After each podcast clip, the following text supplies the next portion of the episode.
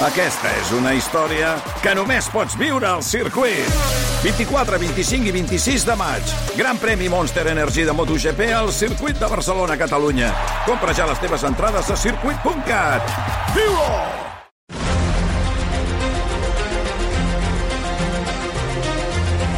Tenim a l'Arnau Manyer seguint aquest debat del només eh, sí és sí. Uh, en el Congrés de Diputats. Ara mateix aquest debat continua. Tenim l'Arnau Manyer o... Sí? Doncs Arnau, on som ara mateix? Doncs mira, ara som intervenint el BNG. Ha, inter intervingut ja fa una estona uh, Andrea Fernández del PSOE. Ha sigut molt dura um, Podem. De moment, la rèplica dels socis de coalició encara no ha arribat, arribaran els propers minuts, però vaja, que ja es nota aquesta tensió. De fet, ara mateix uh, tenim en compte que, que és una iniciativa del PSOE, que arriba al Congrés per una iniciativa del PSOE. Doncs bé, la, el lloc on hi ha els ministres habitualment dins el ple està absolutament buit. No hi ha cap ministre del PSOE eh, presenciant aquest debat, aquesta iniciativa seva. Només hi ha dues ministres, i les dues són de Podem. Ione Belarra i una de les grans afectades, eh, Irene Montero, ministra d'Igualtat. Molt bé, Arnau, qualsevol eh, consulta que vulgui ser, perquè ara parlarem d'aquesta llei, eh, ens la transmets, tenim, tens línies obertes. Saludem a aquesta hora el eh, doctor en dret, especialista en dret penal i soci funda, fundador de Molins i Parés, Marc Molins. Eh, professor Molins, bona tarda. Molt bona tarda. I gràcies per acompanyar-nos. Eh, a veure, anem a pams perquè és una llei de la que hem sentit a parlar, eh, parlar molt. Avui hi ha aquesta modificació de la llei que tirarà endavant, però eh, fem un, diguéssim, una, tirem enrere i fem una mica de repàs de, de com hem arribat fins aquí. Des que va entrar en vigor la llei del només sí és sí, la norma ha permès més de 721 rebaixes de condemnes per delictes sexuals i més de 74 excarceracions, que es diu aviat. La primera pregunta que li formulo és, doctor Molins, per què s'han produït aquestes rebaixes?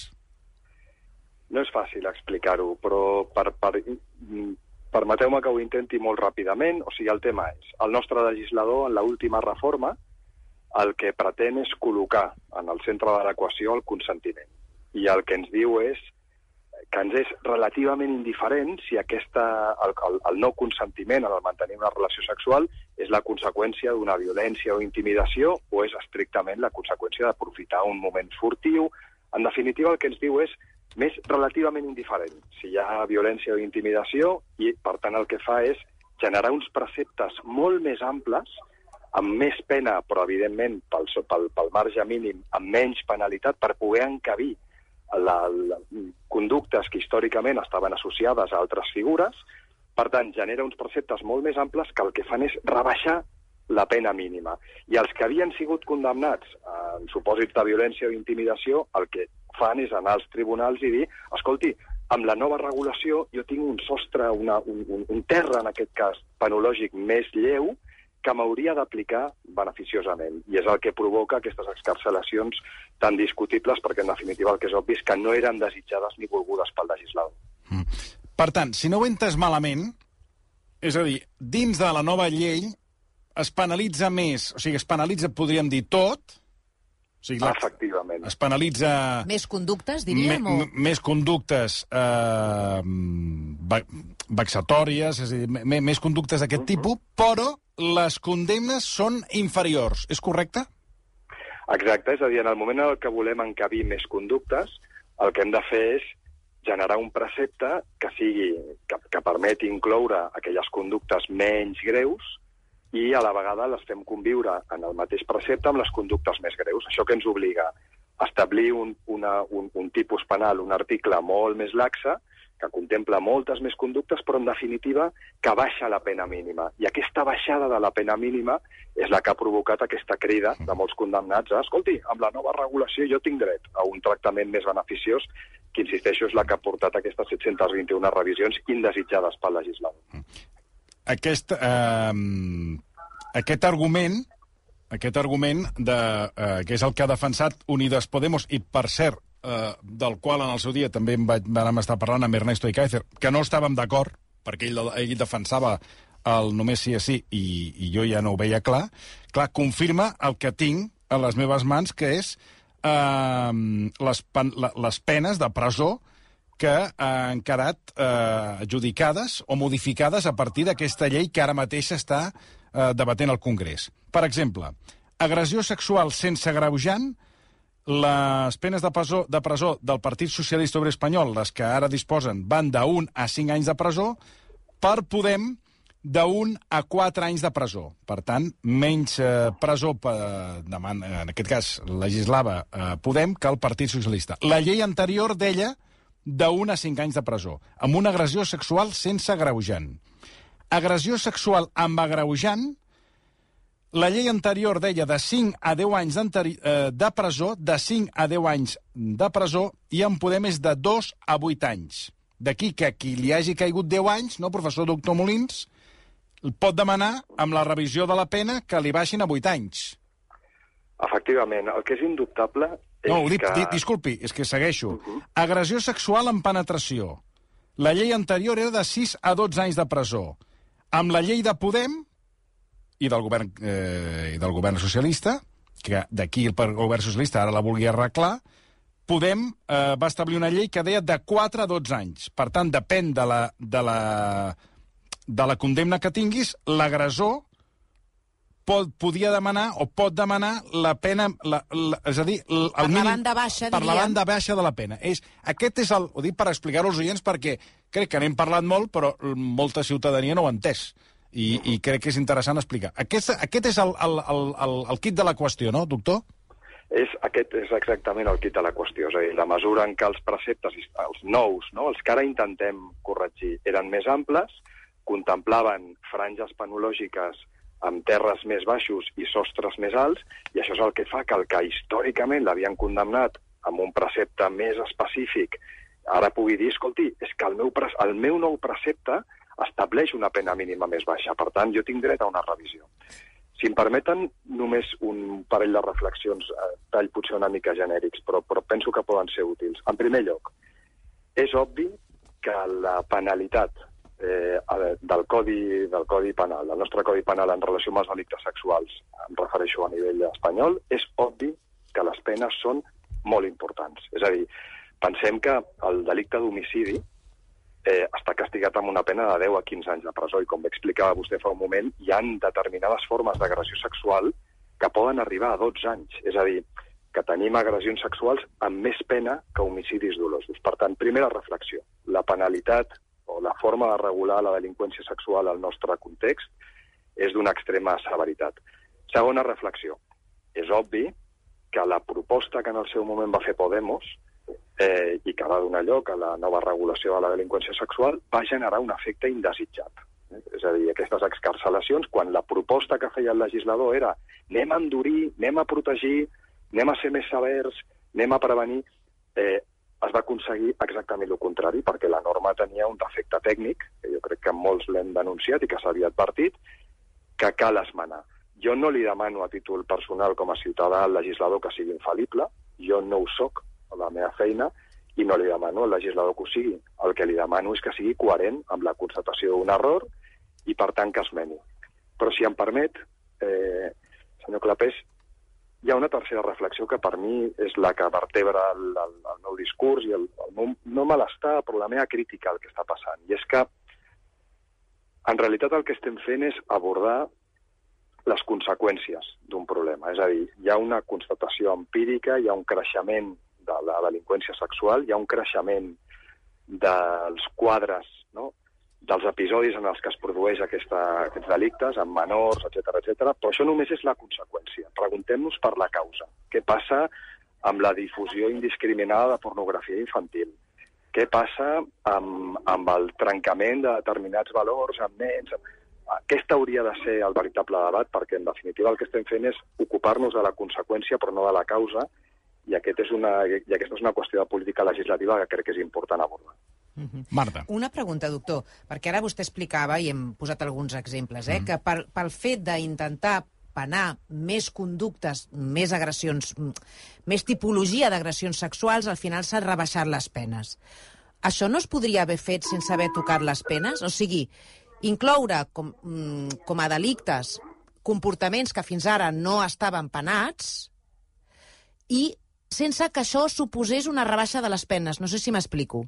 de les, de les que ja estaven al Codi Penal. O sigui, que no suposés una rebaixa de les penes. Sí, efectivament. Es podia, el que es podia és haver intentat evitar aquest efecte indesitjat a través del, de les famoses, les anomenades disposicions transitòries.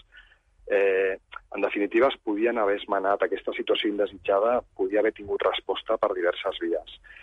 El que és obvi és que, és que necessitàvem una resposta. És a dir, el legislador no volia, no volia, no desitjava aquestes excarcelacions, no desitjava eh, fer més laxa la regulació d'aquestes aquest, formes de delinqüència i, per tant, el que s'imposa és una, una, una modificació del codi. Tornar una altra vegada a introduir aquest paràmetre distintiu tan característic que és la presència de violència o intimidació. És a dir, la regulació sexual sempre ha anat pivota entorn a dos conceptes, penetració o sense penetració i amb violència o sense violència. És a dir, no és el mateix un tocament furtiu eh, sense violència ni intimidació que un acte eh, sexual amb penetració i amb violència i intimidació. No? Mm -hmm. Hi ha una sèrie, hi ha una gravetat totalment diferent de les conductes i si, i si, si fem l'esforç col·lectiu de plantejar-nos els quatre escenaris, insisteixo, eh, amb violència, sense violència, amb penetració, sense penetració, jo crec que tots els ciutadans podem arribar a entendre que les penalitats han de ser diferents. El fet d'intentar ser més oberts i generar un precepte genèric on el consentiment està en el centre, però perdem aquests matisos, no? sobretot violència o no violència, fa, ha portat a aquesta situació indesitjada que és essencial que es manem amb urgència. Mm. El, a, a mi, una de les, de les coses d'aquesta modificació que es va fer de la llei és, ha estat la rebaixa de penes, que que jo no, no he entès mai i que, clar, aquí el discurs i la defensa de la ministra d'Igualtat és que eh, aquests retocs doncs, eh, que es volen fer ara, eh, retocs per part del Partit Socialista Obrer Espanyol, retorna les penes a certs delictes sexuals al Codi Penal que qualifiquen com el de la manada i del PP, el Codi eh, eh, penal anterior i afirmen que suposa fer marxa enrere en el consentiment de les dones en determinades relacions no desitjades. Vostè, que és doctor en dret eh, penal, expliqui'm si això serà així o no serà així. Per mi el que és essencial és eh, precisament denunciar aquesta politització del discurs. És a dir, els codis no són ni del PP, ni del PSOE, ni d'Unides, ni de Vox.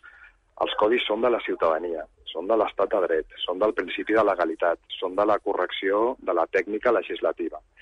Per tant, no crec, a més, que, que es puguin associar determinats béns jurídics a, a, a adscripcions ideològiques. Jo crec que hi ha un consens col·lectiu en què s'ha de regular d'una forma molt severa aquest tipus de delictes, que hi ha un consens col·lectiu en, en, en la coherència legislativa i que hi ha un consens col·lectiu en acceptar que quan el legislador comet un error es pot esmenar. És a dir, el principi d'infal·libilitat no el podem predicar pràcticament respecte a cap conducta humana, tampoc li podem exigir en el legislador. És veritat que la tècnica legislativa no va ser correcta. Bueno, hem constatat uns errors, sí, som-hi, posem fil a l'agulla. El que no té sentit és buscar la, la víctima propiciatòria, que és un clàssic, no? Els jutges són masclistes. Bueno, els jutges són masclistes, no. El precepte és incorrecte.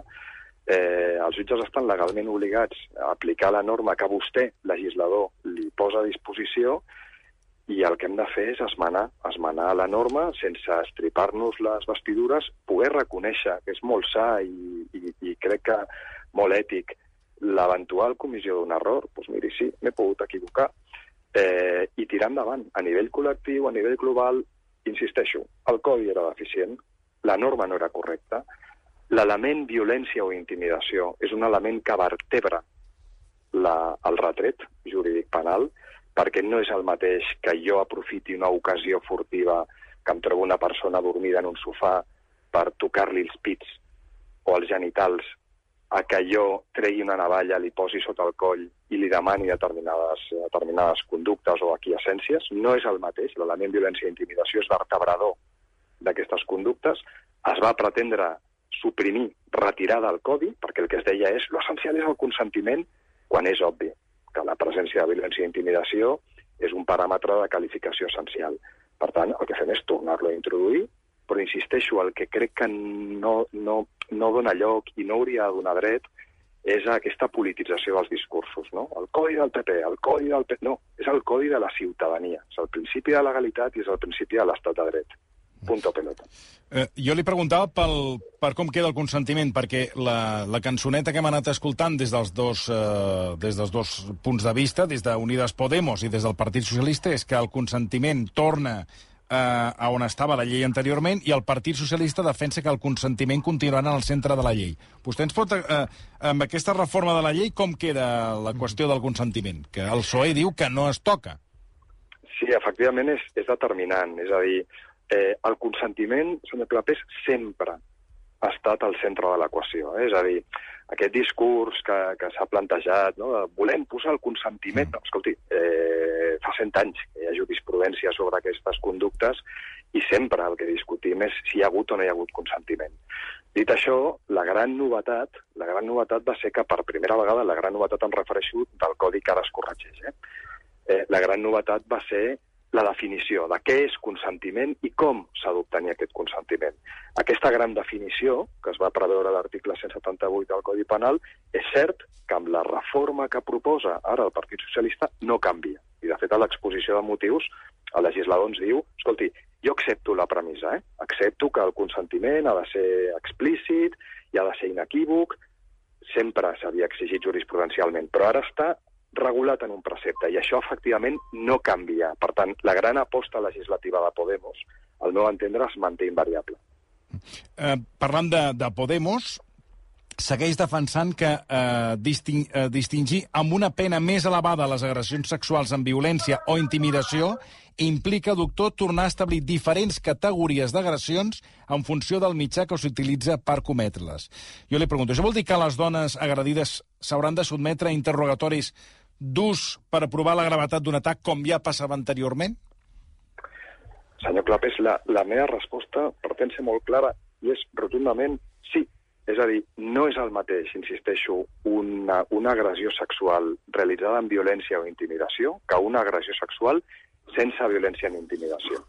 Si acceptem que no és el mateix i que han de tenir penalitats diferents, i acceptem que l'agressió sexual amb violència o intimidació de tenir un plus penològic, aquest plus penològic implica el naixement de drets, en aquest cas, vinculats a la presumpció d'innocència, és a dir, l'acusat per un fet delictiu d'aquesta naturalesa, que abans veiem que pot arribar a fer front a penes de 12 anys de presó, més penalitat que un homicidi, l'acusat tindrà dret, a través de la seva representació lletrada, a mantenir una postura dura eh, durant un procediment i, efectivament, a interrogar, exigir l'acreditació d'aquests elements de violència i intimidació, sí.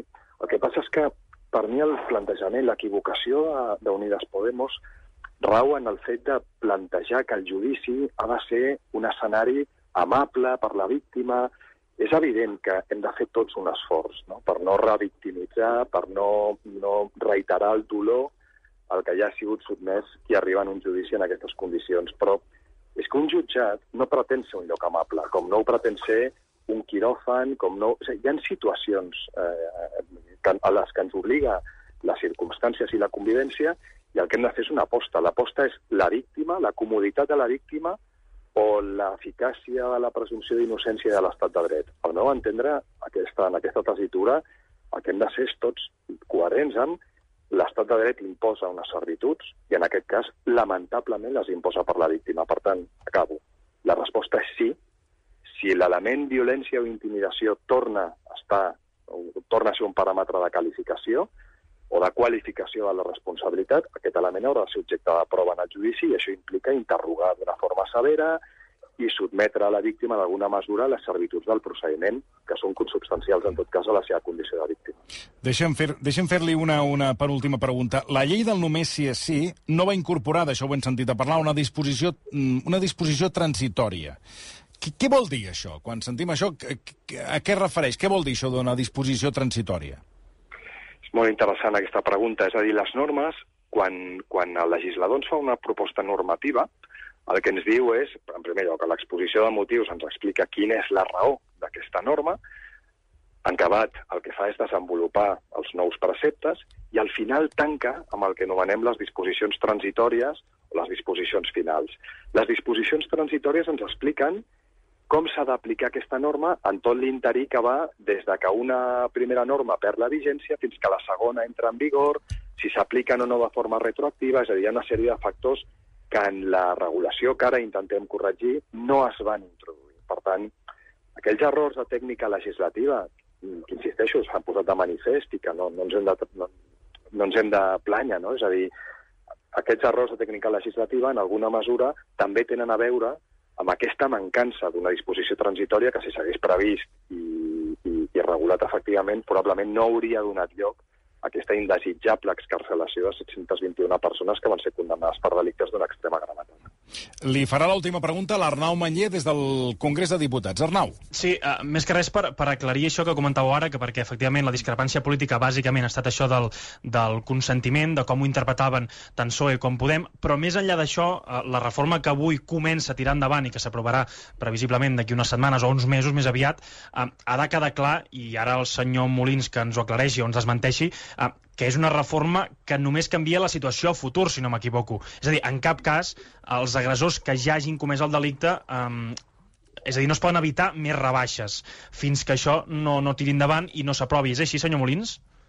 És, aquesta, aquesta també torna a ser una pregunta clau, eh? una qüestió tècnica legislativa i, evidentment, és, és absolutament així. És a dir, el principi general és que tots ens regulem per la norma que està en vigor en el moment en el que cometem el fet il·lícit tots mm, responem d'acord amb la norma vigent en el moment dels fets. Punt i a part.